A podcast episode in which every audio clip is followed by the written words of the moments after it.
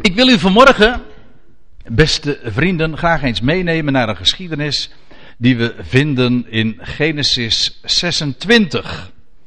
En we willen daarbij alle 22 versen van dat hoofdstuk lezen. Ik zeg alle 22 versen, in werkelijkheid gaat het hoofdstuk nog wat door. Maar de geschiedenis van Isaac bij de Filistijnen vinden we in deze 22 versen.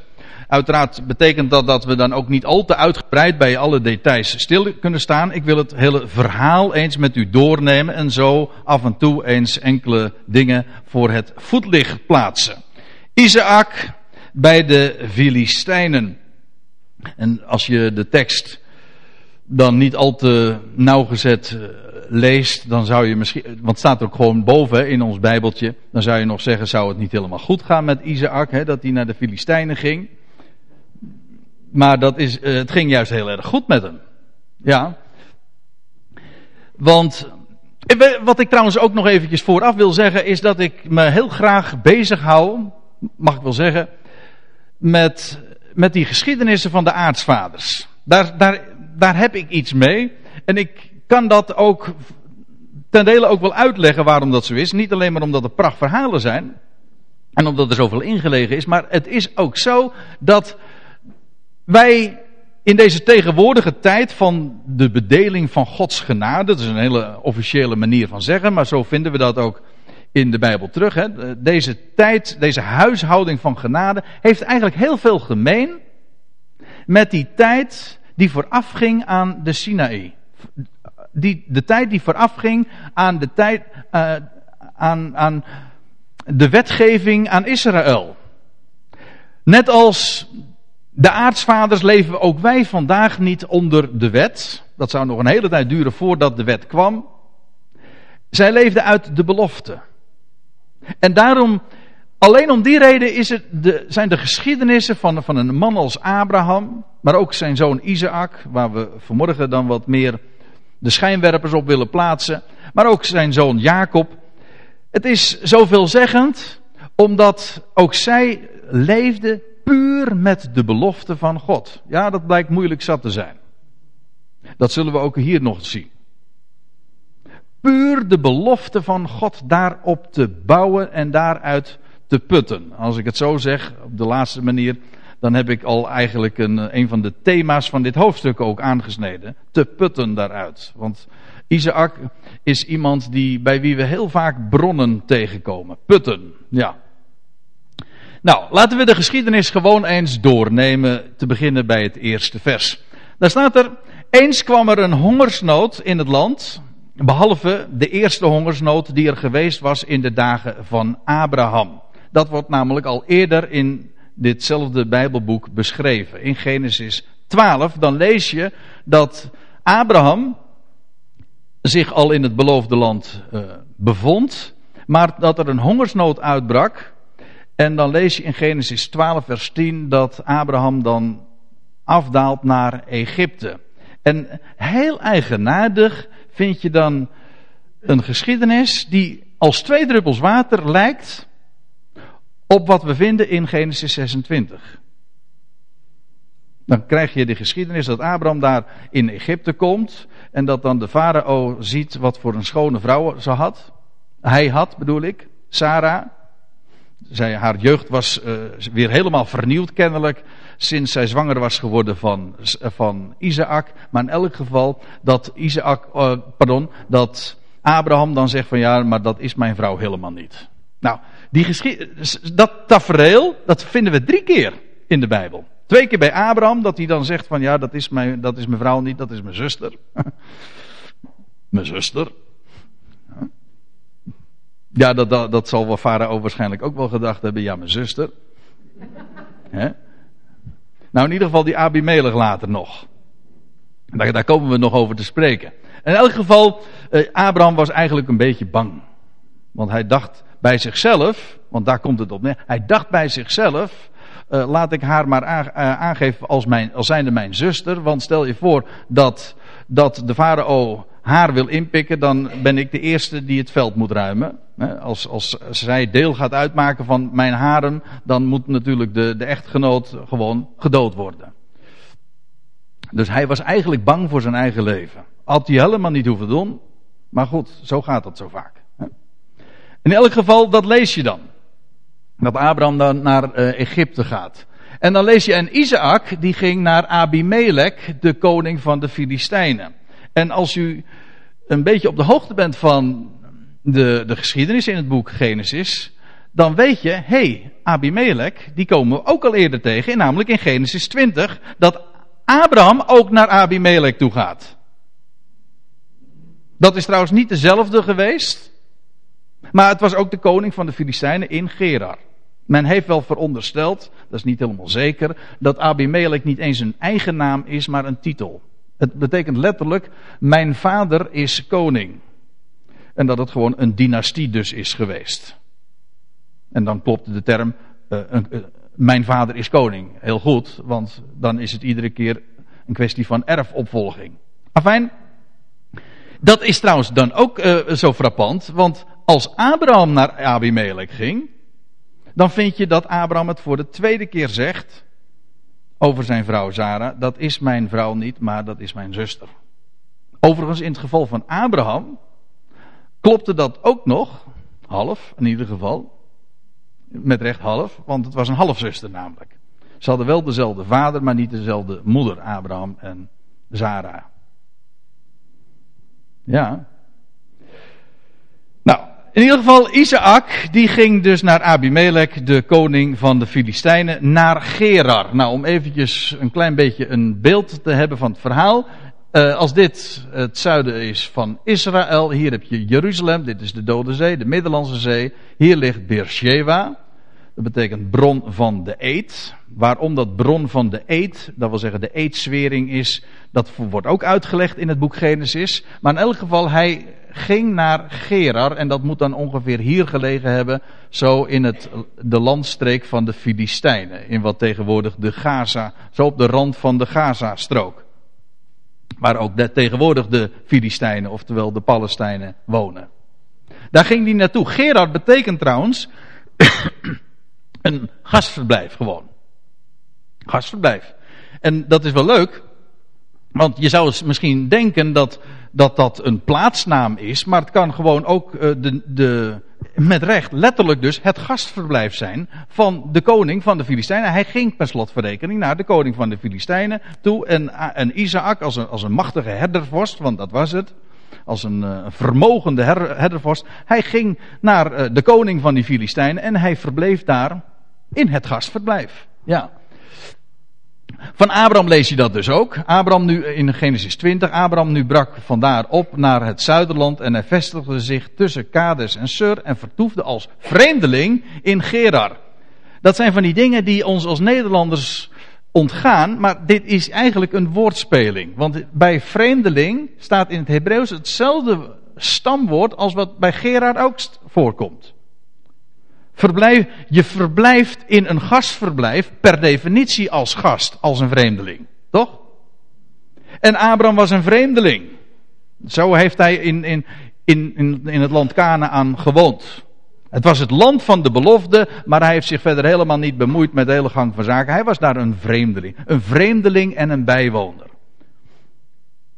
En hij, verbleef, hij, had daar ook geen, hij had daar ook geen huizen. Nee, hij verbleef in een tent. Dus heel, heel illustratief, feitelijk, voor, voor zijn positie in deze wereld. Trouwens, om nog weer eventjes de link door te trekken naar ons. Dat is voor ons namelijk niet anders.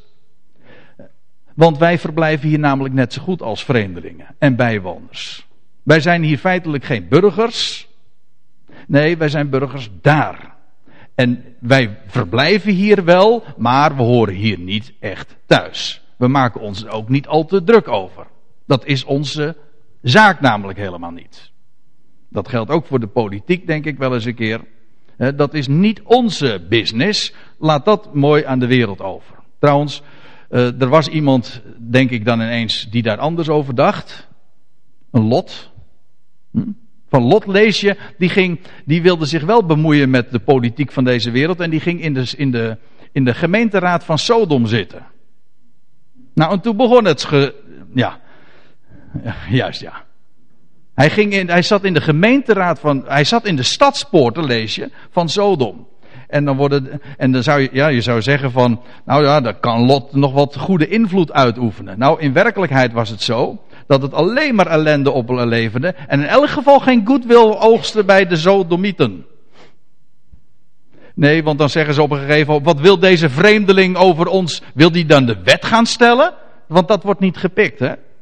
Dus vandaag trouwens nog net zo. Het wordt niet gepikt als een vreemdeling, als, als een, een minderheid gaat vertellen van mensen moeten, jullie moeten je zo gaan gedragen. Enfin. Uh, hij Isaac was een vreemdeling daar in Gerar, ja. En dan lees je, toen verscheen hem de Heer, toen verscheen hem Yahweh. Dat was trouwens de vervulling van een belofte die eerder gedaan was al vele jaren daarvoor aan Abraham. Want in Genesis 17, daar lees je dat God zegt, maar God zeide, uh, uw vrouw Sarah, dus nog voor de geboorte van Isaac wordt dit gezegd. Daar staat er, God zeide, uw vrouw Sarah zal, een, zal, zal u een zoon baren. Niet Hagar of zo, nee, Sarah. God, Abraham die wilde God natuurlijk een handje helpen. Die dacht van nou het zal wel anders moeten. Nou dat was dus niet zo. Uw vrouw Sarah zal u een zoon baren en gij zult hem Isaac noemen. Weet u wat Isaac betekent? Lachen, ja, lachen. Dat is mooi hoor. U zal lachen. We komen daar straks, straks nog eventjes op terug. Maar ik, uh, ik, wil er nu alvast even op wijzen. God doet lachen. Nou, als, dat is nou het, geweldige van de belofte van God. God geeft namelijk gewoon puur om niet. En hij zet alle menselijke wetten gewoon te kijken. Een lange neus trekt hij. Want Isaac was zo'n type, zo'n figuur die helemaal niet meer naar menselijke maatstaven geboren had kunnen worden. Sarah was bovendien een onvruchtbare vrouw. Maar God creëert leven uit de dood. Ja. Abraham heeft opstanding in zijn leven en aan de lijve ondervonden. En, en Sarah ook. En God bracht leven uit, een, uit, uit, uit dode lichamen voort. En dat is lachen. Dat is lachen, dat is vreugde. Want het trotseert namelijk elke beperking van de mens. Afijn, hij, hij zou hem Isaac moeten noemen. En, en ik zal, en dan, want let op wat er dan zegt gesta, uh, gezegd wordt. En ik zal mijn verbond met hem oprichten tot een eeuwig verbond. Dat wil zeggen, ik heb mijn verbond met jou opgericht, maar ik zal het straks ook weer doen met Isaac. Ik zal mijn verbond opnieuw weer oprichten. Dat wil zeggen, bevestigen, vaststellen. Daarom heet hij ook de God van Abraham, de God van Isaac en de God van Jacob. Ja, dus als er staat in Genesis 26 vers 2, toen verscheen hem de Heere, dan is dat de vervulling van deze belofte. Want hier in Genesis 26 lees je dat inderdaad God het verbond met Isaac gaat oprichten, bevestigen. En dan staat er nog bij, trek niet, of letterlijk staat er, daal niet af naar Egypte, zoals ooit Abraham tot zijn verdriet had gedaan. Want dat had hem weinig goeds opgeleverd. Ik vind het eigenlijk wel leuk dat er ook staat: daal niet af. Want natuurlijk kun je dat gewoon geografisch heel gemakkelijk verklaren en zeggen van ja, Egypte is het zuiderland en dan moest hij naar, hij naar beneden, naar het zuiden. Dat is een afdaling. Ja, maar ook figuurlijk, geestelijk, moreel gezien is het ook een afdaling. Hè? Daal niet af naar Egypte. Blijf op het niveau, blijf gewoon in het land dat ik jou ga geven. Dan mag er hongersnood zijn, maar ik zorg voor je. En daal niet af naar Farao uh, en, en, naar het uh, land van Egypte. En woon gewoon in het land dat ik u zeggen zal. Vertoef in dit land, staat er in vers 3, als een vreemdeling. Ja, hij was in het gastverblijf. Hè. En dan staat er, dan zal ik met u zijn en u zegenen. Nou, dat wil ik in de eerste plaats als er één van die dingen is, zijn, of als, als er iets is waar ik vanmorgen ook wil, op wil wijzen, is u de, de heerlijkheid van de belofte te tekenen. En de vertalingen helpen ons daar vaak niet bij. Er staat namelijk niet dan, dat moet je gewoon doorkrassen, maar er staat en. Dat is een groot verschil. Er staat niet vertoef in dit land als een vreemdeling. Dan zal ik met u zijn en u zegenen. Alsof het een voorwaarde is. Nee, vertoef in dit land als een vreemdeling, wat ik jou gewoon beloofd heb. En ik zal met u zijn en u zegenen. Niet dan, maar en. Niet een voorwaarde, onvoorwaardelijk wordt dat gezegd. Een buitengewoon belangrijk verschil. Of er dan of en staat. Ziet u dat? Het is de God van de belofte die verschijnt. Het is de God der heerlijkheid, zoals dat elders dan heet, die aan hem verscheen. En ook de heerlijkheid van zijn belofte aan hem kenbaar maakt. En ik zal met u zijn en u zegenen. Want u en uw nageslacht zal, zal ik al die landen geven. Geven. Gratis, voor niks. En let even op, tel ze maar eens een keertje op, hoe vaak hier ik zal staat. Wel geteld zeven keer. Waarom zeven keer? Nou, daar moet u nog maar eens over nadenken. Het is trouwens heel. Nee, ja, u mag erover nadenken, maar ik wil er eventjes ook nog op wijzen dat het woord zeven in het Hebreeuws, Sheva, we hadden het er al net al even over. Beersheva, maar Sheva, dat, is, dat betekent, dat is eedswering, de eed, maar het is ook het woord voor zeven. Sheva. Ons woord zeven heeft er misschien ook nog mee te maken. Sheva, zeven, seven. Zeven en eedswering is in het Hebreeuws heeft dezelfde stam. En hier spreekt God ook inderdaad over de eed die hij zwoer ooit aan Abraham. We zullen dat ook lezen. Maar let op, iedere keer, ik zal. Ik zal. Precies zoals bij de aankondiging van het nieuwe verbond in, in wat is het? Jeremia 31 lees je datzelfde.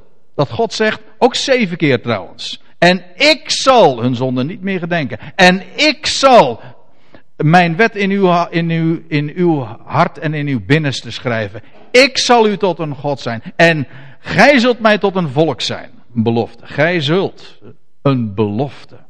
Allemaal beloften. En, want u en uw nageslacht zal ik al die landen geven. Ja. En ik zal de eed gestand doen die ik uw vader Abraham gezworen heb. Dat lees je niet vaak hoor.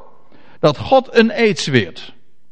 Als God belooft, dan vervult hij sowieso wat hij zegt. U weet, belofte maakt schuld. En God doet recht aan zijn woord. Gods gerechtigheid is ook niks anders dan dat God recht doet aan wat hij gesproken en beloofd heeft. En zijn ja is ja. En alle beloften, zegt Paulus in de tweede Korinthebrief, alle beloften in Christus Jezus zijn ja en amen. Maar bij een paar gelegenheden, om precies te zijn, vijf keer in de Bijbel lees je dat God inderdaad een eed zweert. De eerste keer bij Abraham. In verband met, met, eh, met Melchizedek lees je ook dat God een eed zweert. Hij is het priester naar de ordening van Melchizedek. Dat is ook een eedzwering. Weet u wat God ook, ook al als eed, een eed gezworen heeft? Dat voor hem alle knie gaat buigen en alle tong zal beleiden dat Jezus Heer is. Dat is ook een eedzwering. En mensen geloven hem niet. Maar als God dat. Een goede vraag. Waarom zou God nou een eed zweren? Waarom zou hij een eed zweren? Ik heb daar een antwoord op gevonden. En wel een antwoord dat we vinden in Hebreeën 6. Nee, ja, Hebreeën 6. Daar wordt namelijk uitgelegd. De schrijver van deze brief, wiens naam niet genoemd wordt, omdat het Paulus was, denk ik. Maar goed. Dan staat er. Want mensen. Er, wordt uitleg gegeven. Dat gaat, dat gaat trouwens. Lees het maar na in de context van Hebreeën 6. Dan gaat het ook over de, de eedswering die God gedaan heeft aan Abraham. In de voorgaande versen lees je dat. Maar ik lees even deze versen. Want mensen zweren bij wie hoger is en de eed dient hun tot een bekrachtiging als einde van alle tegenspraak. Je zweert bij God. Bij degene die hoger is. En dan staat er. Ja, God heeft trouwens ook. Maar aangezien er niemand hoger is dan God, dat wordt er ook in ditzelfde gedeelte uitgelegd, daarom heeft God bij zichzelf gezworen. Je zweert bij het Allerhoogste. Wel, aangezien hij de Allerhoogste is, zweert hij dus bij zichzelf. Maar lees dan even verder in Hebreeën 6. Daarom heeft God, toen hij des te nadrukkelijker aan de erfgenamen der belofte het onveranderlijke van zijn raad wilde doen blijken, zich onder ede verbonden. Normaal gesproken belooft God, en dat is meer dan genoeg. Maar als hij des te nadrukkelijker dat wil doen en kenbaar wil maken, wil doen blijken, wel dan bij die gelegenheden zweert hij een eed. Opdat door twee, mooi hè, opdat door twee onveranderlijke dingen, waarbij het onmogelijk is dat God liegen zou, wij een krachtige aansporing zouden hebben om de hoop, de verwachting te grijpen die voor ons ligt. Schitterende uitleg over, over de belofte. Over, nee, sterker nog, over de eedswering. Dat God inderdaad door twee dingen des te nadrukkelijker zijn belofte laat bekrachtigen. Zodat het onmogelijk is dat God liegen zou. Kan God alles? Nee. Hij kan niet liegen. Nee, dat staat hier. Onmogelijk. Dat God liegen zou. Al, Gods almacht betekent ook niet dat God alles kan. Gods almacht wil zeggen dat wat zijn liefde wil bewerken, zijn niet ontzegd wordt door zijn vermogen. Dat wil zeggen dat wat hij is in staat, dat wat hij wil, om dat ook te realiseren. Dat is zijn almacht. Het is de almacht inderdaad van zijn liefde. Dan is er niets onmogelijk. Maar het is niet zo dat God alles kan. Het is onmogelijk dat God liegen zou. Afijn. Uh, even terug naar Genesis 26. En ik zal de eed, dat wordt tegen Isaac dus gezegd. Hè? De Heer verschijnt aan hem en ik zal de eed gestand doen die ik uw vader Abraham gezworen heb. En ik zal uw nageslacht vermenigvuldigen als de sterren van de hemel. En ik zal uw nageslacht al die landen geven. Ziet u, wordt hier geen ene beperking genoemd, ook geen ene voorwaarde. Dit is God verplicht zich. Hij zweert een eed. Hij doet een belofte. En hij zegt: Ik zal je al die landen gewoon geven. En met uw nageslag, letterlijk staat er, en uw zaad, zullen alle volkeren der aarde gezegend worden. Dat kun je natuurlijk opvatten als gewoon het zaad van Abraham, gewoon het volk van Israël, meer specifiek ook toegespitst. Maar ik wil het nog meer toespitsen, zoals de apostel Paulus het ooit deed in Galaten 3 dat gaat ook over deze dingen. En dan zegt, dan zegt Paulus, nu werden aan Abraham de belofte gedaan en aan zijn zaad. En daar gaat, daar gaat Paulus op in. Hij zegt, hoezo aan zijn zaad? Hè? Hij zegt niet aan zijn zaden, maar in het meervoud dus, maar in het enkelvoud aan uw zaad. Ja, zegt Paulus, dat is niet zo moeilijk hoor. Waarom dat enkelvoud is? Omdat het ten diepste uiteindelijk maar over één iemand gaat. Namelijk Christus. Dus als hier staat in Genesis 26 vers 4, en met uw zaad, moet je niet nageslacht, nee, aan, met uw zaad zullen alle volkeren der aarde gezegend worden. En de eerste betekenis is daarvan dat alle volkeren der aarde gezegend zullen worden in Christus, namelijk het zaad van Abraham. Ja, sommige mensen vragen zich dan af, die houden daar niet zo van om met die grammatica bezig te zijn en meervoud en enkelvoud. Maar het is van belang hoor. Dat hier staat zaad en niet zaden. Net zo goed als dat het van belang is om ook te lezen dat er niet dan staat, maar en. Dat, is een, dat kan een wereld van verschil uitmaken. Dat zijn de kleine lettertjes. En dan uh, God uh, vervolgt te zeggen, en omdat Abraham naar mij geluisterd en mijn dienst in acht genomen heeft, mijn geboden, mijn inzettingen en mijn wetten. Oei. Wat staat hier nou?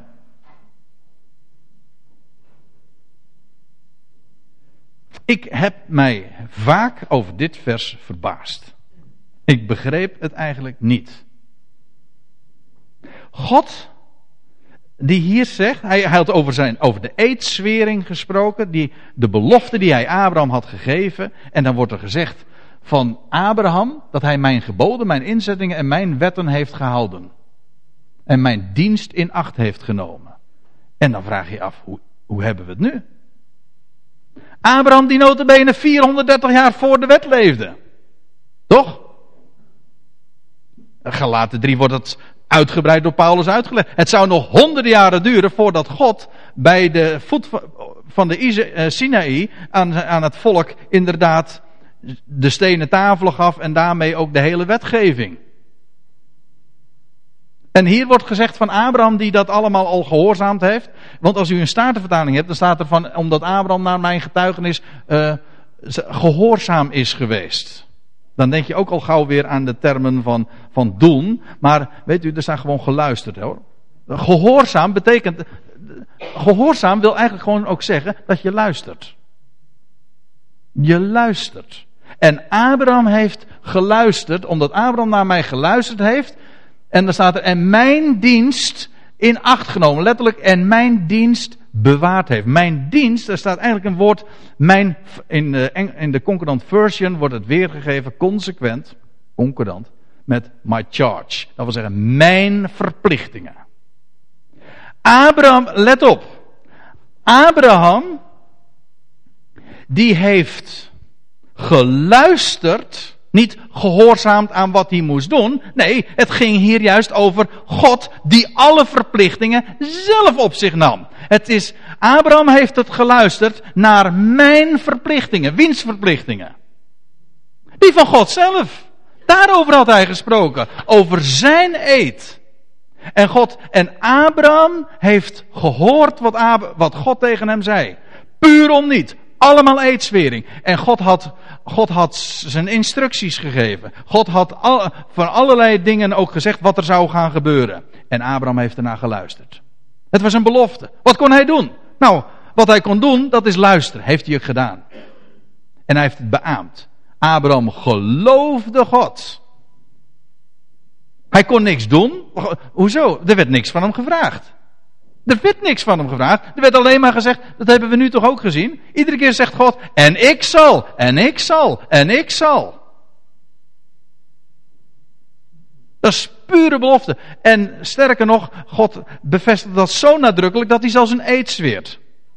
Het gaat hier niet over Abraham die de wetten en de inzettingen en de geboden zelf heeft onderhouden en gehoorzaamd. Dat is, dat kan niet eens omdat die wetten en die inzettingen al pas 430 jaar later gegeven werden. Waar hierover gesproken wordt, is, dat zijn de inzettingen en de wetten, de instructies en de verplichtingen die God zelf op zich genomen heeft.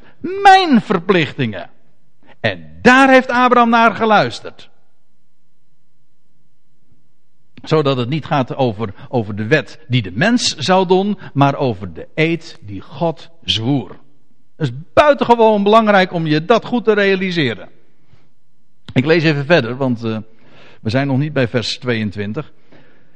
Uh, dus bleef Isaac daar in Gerar. Ja, dus waarom zou die ook?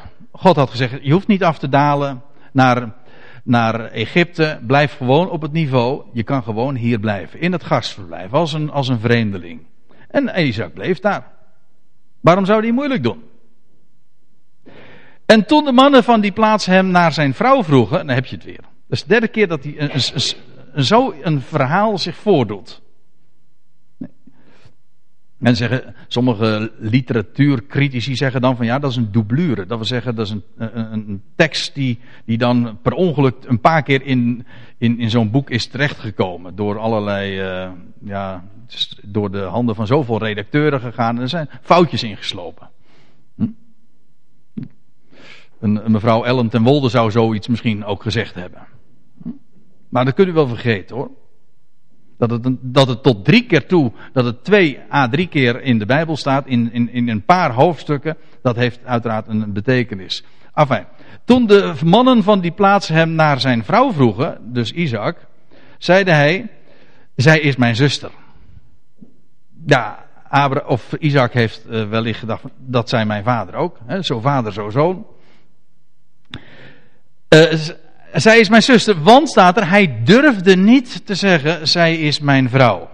Want hij dacht, de mannen van die plaats mochten mij anders eens doden om Rebecca, omdat zij schoon van uiterlijk was. Dus Isaac die kneep hem. Waarom? Omdat hij dacht van nou als de Filistijnen haar nemen. Dan is het eerste die uit het veld geruimd wordt, dat ben ik zelf.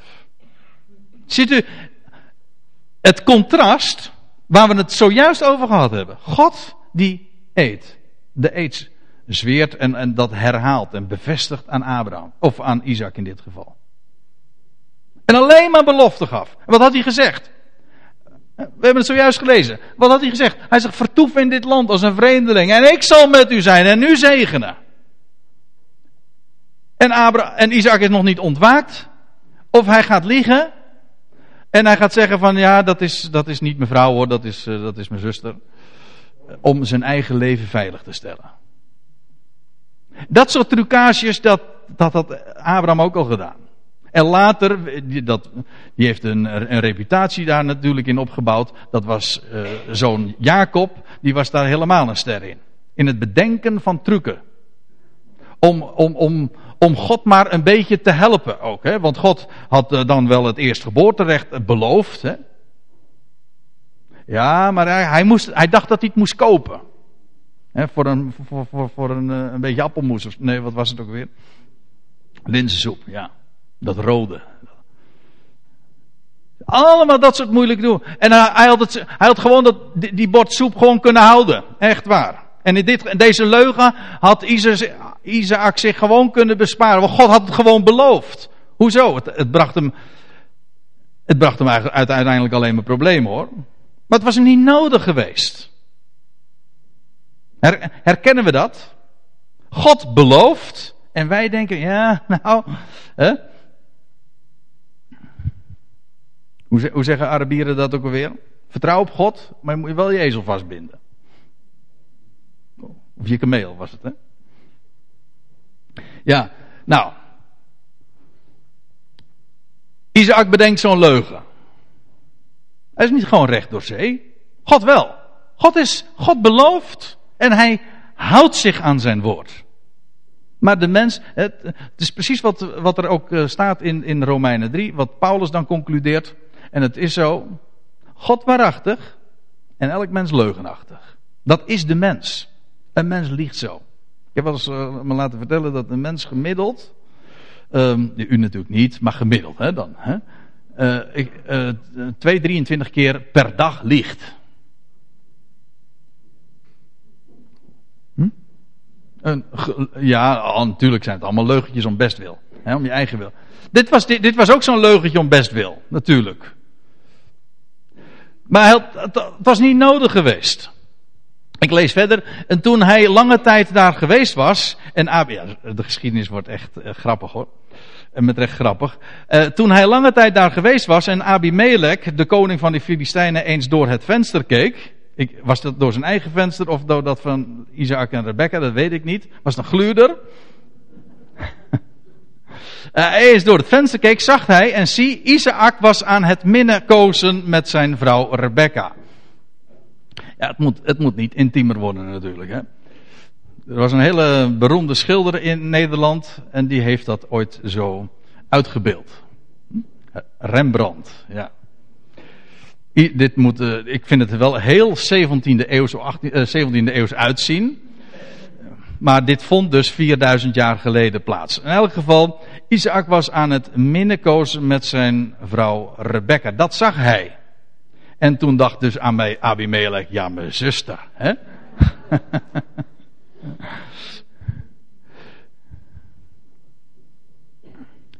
ja, hij dacht, ze leefden als broer en zus, zeggen Nee, ze waren dus echt echtgenoten, ja. In elk geval, maar nu even, weet u wat er in de Statenvertaling staat? Ja. Isaac was jokkende met zijn vrouw Rebecca. Ja, dat moet even toegelicht worden hoor. Hij was jokkende met zijn.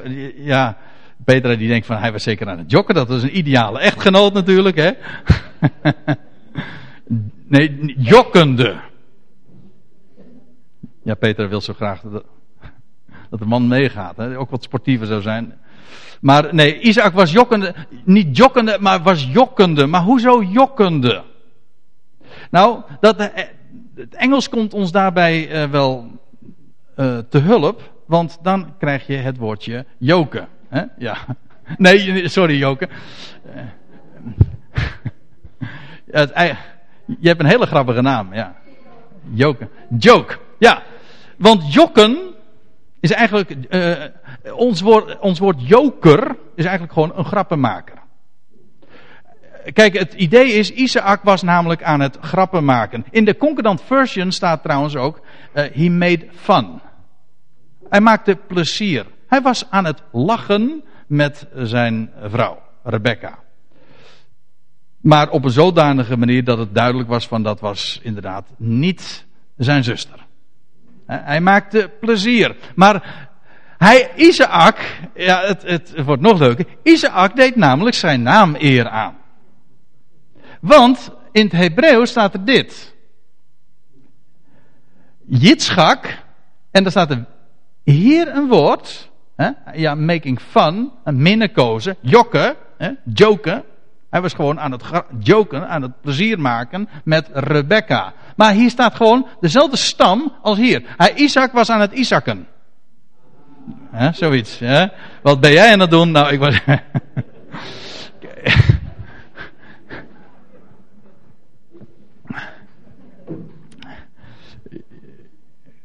Zou nu hier een nieuw werkwoord uh, zomaar bedacht zijn. Hè? Maar dat staat, zoiets staat er in het Hebreeuws. Isaac was aan het Isaac en dat wil zeggen, hij, uh, hij maakte plezier met, met, haar. Maar dat woord Isaac, Isaac, ik had het er zojuist al even over. Isaac betekent lachen. Hij was de zoon van de belofte. En God laat lachen. Hij, ja, hij lacht inderdaad de wijsheid van deze wereld uit, maar hij geeft ook werkelijk vreugde. Omdat, omdat hij namelijk niks van de mens vraagt, geen voorwaarden stelt. Hij geeft gewoon om niet. Dat is link. En, we, en zelfs als je God gelooft, dan nog denk je vaak, herkent u het, dat we God toch even een handje moeten helpen. Maar Isaac, hij deed zijn naam eer aan. Hij kende de vreugde. Isaac was een, een man die vreugde, en we zullen het straks ook zien, ook, ook vrede had. Ja, natuurlijk, deze, deze, dit probleem had hij zich kunnen besparen. Had hij echt niet hoeven doen. Maar hij wordt gezegend. Niet dankzij dit leugentje, maar ondanks dat leugentje. God zegent hem gewoon. En maar in ieder geval, Isaac had plezier in zijn leven. En Isaac kende vreugde. Blijdschap. Hij kende namelijk de God van de belofte. Hij wist waar hij moest putten. Hè? Ja. Goed. En toen riep Abimelech, want Abimelech was natuurlijk wel boos. Toen riep Abimelech Isaac en zeide, zij is zowaar uw vrouw. Hoe hebt gij dan kunnen zeggen, zij is mijn zuster? En daarop zeide Isaac tot hem, omdat ik dacht, ik mocht anders eens om haar, om haar het leven verliezen. Maar Abimelech zeide, wat hebt gij ons toch aangedaan? Licht zou een van het volk bij uw vrouw hebben kunnen liggen en dan zou gij schuld over, zou gij schuld over ons gebracht hebben. Dus het was nog heel erg link wat hij gedaan had ook. En in feite, Abimelech, eigenlijk vertelt, leest Abimelech in dit geval Isaac de les. Hij had volkomen gelijk. En toen gebood, maar toen gebood Abimelech, want zie je, ook met een kromme stok slaat God nog gewoon een rechte slag, want Isaac wordt gewoon, krijgt bescherming, alles wat hij nodig had. En toen gebood Abimelech al het volk, wie deze man of zijn vrouw aanraakt, zal zeker ter dood gebracht worden. Zo. Dat is eh, een manier om veilig te stellen. En staat er dan, het, het, Isaac krijgt bescherming, gewoon van de Filistijnen. Officieel, ondanks zijn leugen zelf, ondanks zijn leugen. En God zegent hem. Daar staat er, en Isaac zaaide in dat land en oogste in dat jaar honderdvoudig, want de Heere zegende hem. Dus er was hongersnood, maar Isaac had geen gebrek. Hij had gewoon genoeg. Had God trouwens ook gezegd, je, hebt, je zult gewoon genoeg hebben. Genoeg. Wordt trouwens tegen ons ook gezegd. Mijn God zal in al uw behoeften naar zijn rijkdom voorzien. Nee, ik zeg niet dat. Ik, ik heb het niet over een Rolls Royce voor de deur. of, een, of, een, of een vakantiehuisje. In, uh, in Mozambique of zo. Hm? Nee, gewoon genoeg. Genoeg is namelijk niet een kwestie van bezittingen buiten je. Nee, rijkdom zit van binnen. Het is zelfs zo dat als je hem kent, dan. Zo, weet u wat er in 1 Timotheüs 6 staat? Er staat. Als we eten en drinken hebben. Ja, in onze vertaling staat dan. Dan moet ons dat genoeg zijn. Maar dat staat er niet. Er staat. Dan zal u dat genoeg zijn. want dat is de godsvrucht die, die nuttig is tot alles. Ze heeft namelijk een belofte in zich dan heb je eten en drinken, dan heb je een eh, eten en drinken en heb je een dak boven je hoofd. Dan zal dat je gewoon genoeg zijn, want de echte rijkdom zit van binnen. Hij geeft genoeg. En Isaac heeft dat ook ondervonden. Het staat trouwens in de Statenvertaling. Uh, en hij vond in datzelfde jaar 100 maten. Dat is, iets, uh, dat is heel eigenaardig. Ja, als je geen oud-Nederlands kent, dan zou je zeggen van, oh hij vond, hij vond er zeker honderd vrienden. Maar dat betekent het ook niet. Hè? Hij vond er honderd maten. Geniet en drink met maten, weet je wel. Nee, uh, in de Concordant Version staat, and he is finding in that year a hundredfold of barley. Er staat namelijk het woord gerst. Ik ga het nu niet uitleggen hoe dat nou precies uh, in elkaar zit. Uh, eh, 100 maten of gewoon. Uh, hij, oogste, hij zaaide daar en hij oogste daar gerst. Eerlijk gezegd denk ik dat laatste. Hier staat inderdaad dat woord voor gerst. En als wanneer, wanneer begon de gerstenoogst ook alweer? Ja, vroeg in het, voor, in het voorjaar met Pesach. Nee, niet, nee dat was de tarweoogst. Met de tarweoogst, dat werd gevierd met, de, met Pinksteren. Maar de gerstenoogst, je had namelijk het feest, je had namelijk de dag van de eerstelingsschoof. Dat was de dag dat de eersteling van de gerstenoogst voor de het aangezicht van de Heer bewogen werd. Dat was de dag dat later de Heer Jezus zou opstaan uit de doden. De gerstenoogst heeft dus alles te maken met de opstanding van de Heer Jezus. Met opstandingsleven. En, en Isaac die zaaide bij wijze van spreken. Hij zaaide op de akker van de geest. En wat oogst je dan? Ionisch leven. Leven! Ja. Isaac zaaide, daar gaat het me nu even om. Isaac zaaide in het land en hij oogste in dat jaar honderdvoudige gerst. Want de Heere zegende hem. Overvloed kende hij en die man die werd rijk. Letterlijk staat er, hij werd groot. Maar ja, dat wil zeggen, hij kreeg steeds meer. Ja, gaandeweg rijker totdat hij zeer rijk geworden was. Waarmee toch in elk geval is aangegeven dat hij erg rijk was. Rijk, rijker en zo zeer uitermate rijk. Ja. Terwijl het dus in het land hongersnood was.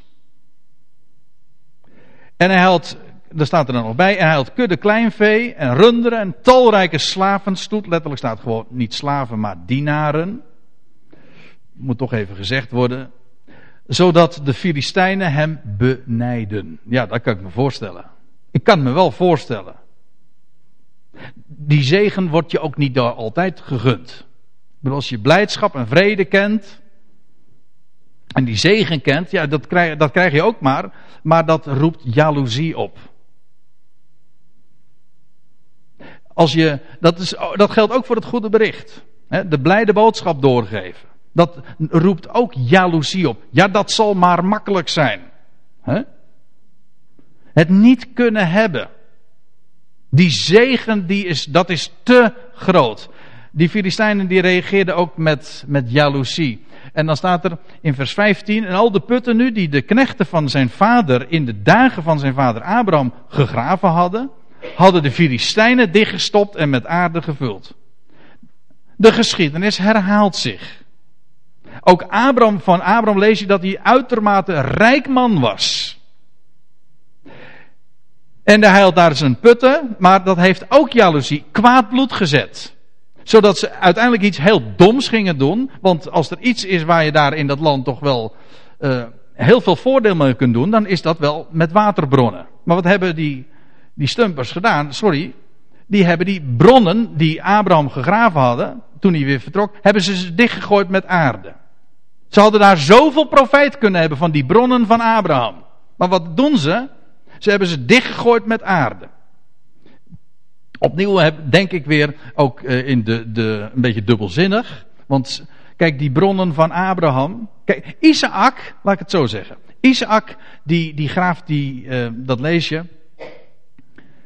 Ja, dat lees je in het vervolg. Die, die gaat daar weer naar die bronnen van die zijn vader Abraham ooit had gegraven.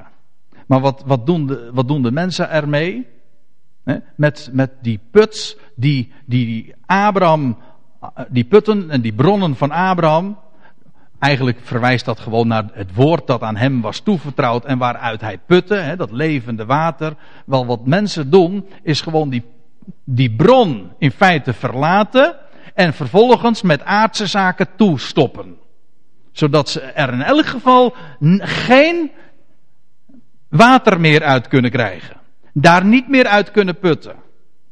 Aardse zaken worden, krijgen, worden, worden de plaats, in de plaats gesteld van dat wat God gewoon om niet geeft. Dat is inderdaad heel erg dom, maar dat komt feitelijk ook uit jaloezie voort. Ik lees verder. En toen zei de Abimelech tot Isaac: Ga van ons heen, want gij zijt veel machtiger geworden dan wij. Dat uiteindelijk Abimelech kon ook niet zoveel anders dan Isaac gewoon weer wegsturen. En Isaac die laat dat ook allemaal toe. Dus, want er staat er in vers 17. Dus ging Isaac vandaar en hij legerde zich in het dal, in het dal van Gerar. Hij, was, hij verbleef in Gerar en nu ging hij naar het dal van Gerar. Oké. En hij woonde daar. Ook goed. Dat is typisch voor Isaac. Die man die ging, die, ja, die had uh, te maken met strijd en met, en met tegenstand. En hij, gewoon, hij ging, hij schikte zich. In dit geval Abimelech, ga weg. Nou, gaat hij weg. De mensen zullen ongetwijfeld wel gezag, gedacht hebben van, hè, wat een zul. Isa, ja. Ik heb wel eens gehoord van dat ze, dat ze hem de bijnaam gaven Isaac. Hm? Ja, Isaac. Maar waarom? waarom? Want je leest het nog veel vaker hoor. In, in het vervolg dat hij dat gewoon doet. Hij koos niet voor het conflict. Isaac ging vandaar en er staat er. Uh, en hij woonde daar dan. En dan vervolgens. En Isaac groef de waterputten. die men gegraven had. in de dagen van zijn vader Abraham. En die de Filistijnen na Abrahams dood hadden dichtgestopt. weer op. En hij noemde ze met dezelfde namen waarmee zijn vader ze genoemd had. Dus Isaac, die put gewoon uit dezelfde bronnen van zijn vader Abraham. Dat is letterlijk natuurlijk zo waar, waar, zoals het hier staat. Maar geestelijk is het vooral ook waar. Abraham kende dezelfde bronnen als ooit zijn vader Abraham. En de bron, daarmee bedoel ik inderdaad het woord van God. Isaac is echt de man van de bronnen. Trouwens, zijn vrouw had hij ooit ook bij de bron gevonden. Of had hij bij de vrouw bij de bron laten vinden. Alles bij de bron. Bij het woord van God. Bij de belofte van God. En als, daar, en als die bronnen dan weer helemaal uh, toegestopt waren door de Filistijnen, om welke reden dan ook. Jaloezie zat daar natuurlijk ook achter. Of in elk geval de hele naam van Abraham, uh, die moest gewist worden letterlijk. Hè. Ze hadden ze dichtgestopt en ze noemden, maar, maar Isaac die graaft ze gewoon allemaal weer op. Om bij, omdat hij bij diezelfde bron als zijn vader daaruit wilde putten. En hij noemt ze ook weer, de, hij geeft ze ook weer dezelfde namen. Die zijn vader Abraham ook ooit gegeven had. En daarna groeven de knechten van Isaac in het dal en vonden daar een put met levend water, staat er. Ik moet even verder gaan. Vers 20. Toen twisten de herders van Gerar met de, van, uh, met de herders van Isaac en zeiden: Dit water is van ons. Ja, want dit was een put met levend water. En die wilden zij ook hebben. En hij gaf. En zij zeggen dus: van dit water is van ons. En hij gaf aan die put de naam Ezek, omdat zij met hem getwist hadden. Ezek betekent dus twist. Ja. En dan lees je. En toen zij een andere put groeven, twisten ze ook daarover. En hij noemde die Sitna. En Sitna betekent tegenstand. Dus hij geeft die put gewoon de naam ja, van wat er daadwerkelijk ook plaatsvond. Isaac had te maken met twist. En Isaac had te maken met tegenstand. Maar Isaac was een man van die inschikkelijk was. Inderdaad, de wereld zal misschien gezegd hebben van hij is sloom. Een zul. Sloom is trouwens een leuk woord. Sloom komt uiteindelijk uit Jiddisch. Van shalom. Vredig. Dus als de mensen tegen u zeggen je bent sloom, dan zeg je van dankjewel. Heb je nog een compliment voor me? Sloom. Laat de mensen dan maar praten. En Isa maar Isaac had vrede. En hij ging dat gewoon uit de weg. Want, maar waar hij ook kwam, hij vond altijd weer bronnen. Hij had gewoon genoeg. Wat de mensen ook deden, maar hij had toch altijd genoeg. Hij had tegenstand genoeg. en er was twist genoeg. En er was strijd om hem heen. En de levenszee loeide zwaar misschien om hem heen. En hij, natuurlijk, hij heeft ook wel eens een keertje zijn zwakke momenten gehad. Dat hij bijvoorbeeld een leugentje om best wil ging bedenken. Maar God zegende hem. Kijk, en dat vind ik zo mooi van, die, van een man als Isaac. En toen brak hij vandaar op. Ja, Isaac ging gewoon weer. Hij ging gewoon weer weg. Hij had namelijk, hij hoefde die strijd helemaal niet.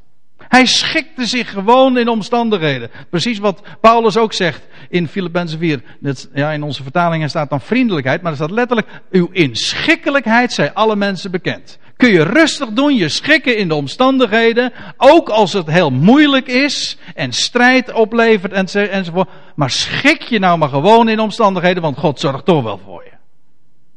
Daar kan echt, daar kunnen die Filistijnen helemaal niks aan doen. Of tegen doen. God zorgt voor je. En voorziet in al je behoeften. En toen brak hij vandaar op, lees je. En hij groef een andere put. Ja, dat is geen, geen probleem. dan schuiven we weer. Hij ging toch eh, richting Beersheba. Lees je dan in het volgende vers. Hij ging naar, nou, uiteindelijk ging hij gewoon weer terug naar de bron van de eet. Ja, en hij, hij brak op en groef een andere put waarover zij niet twisten. Nou, eindelijk, hè, hè, rust. Dat is waar het hem om ging, om rust.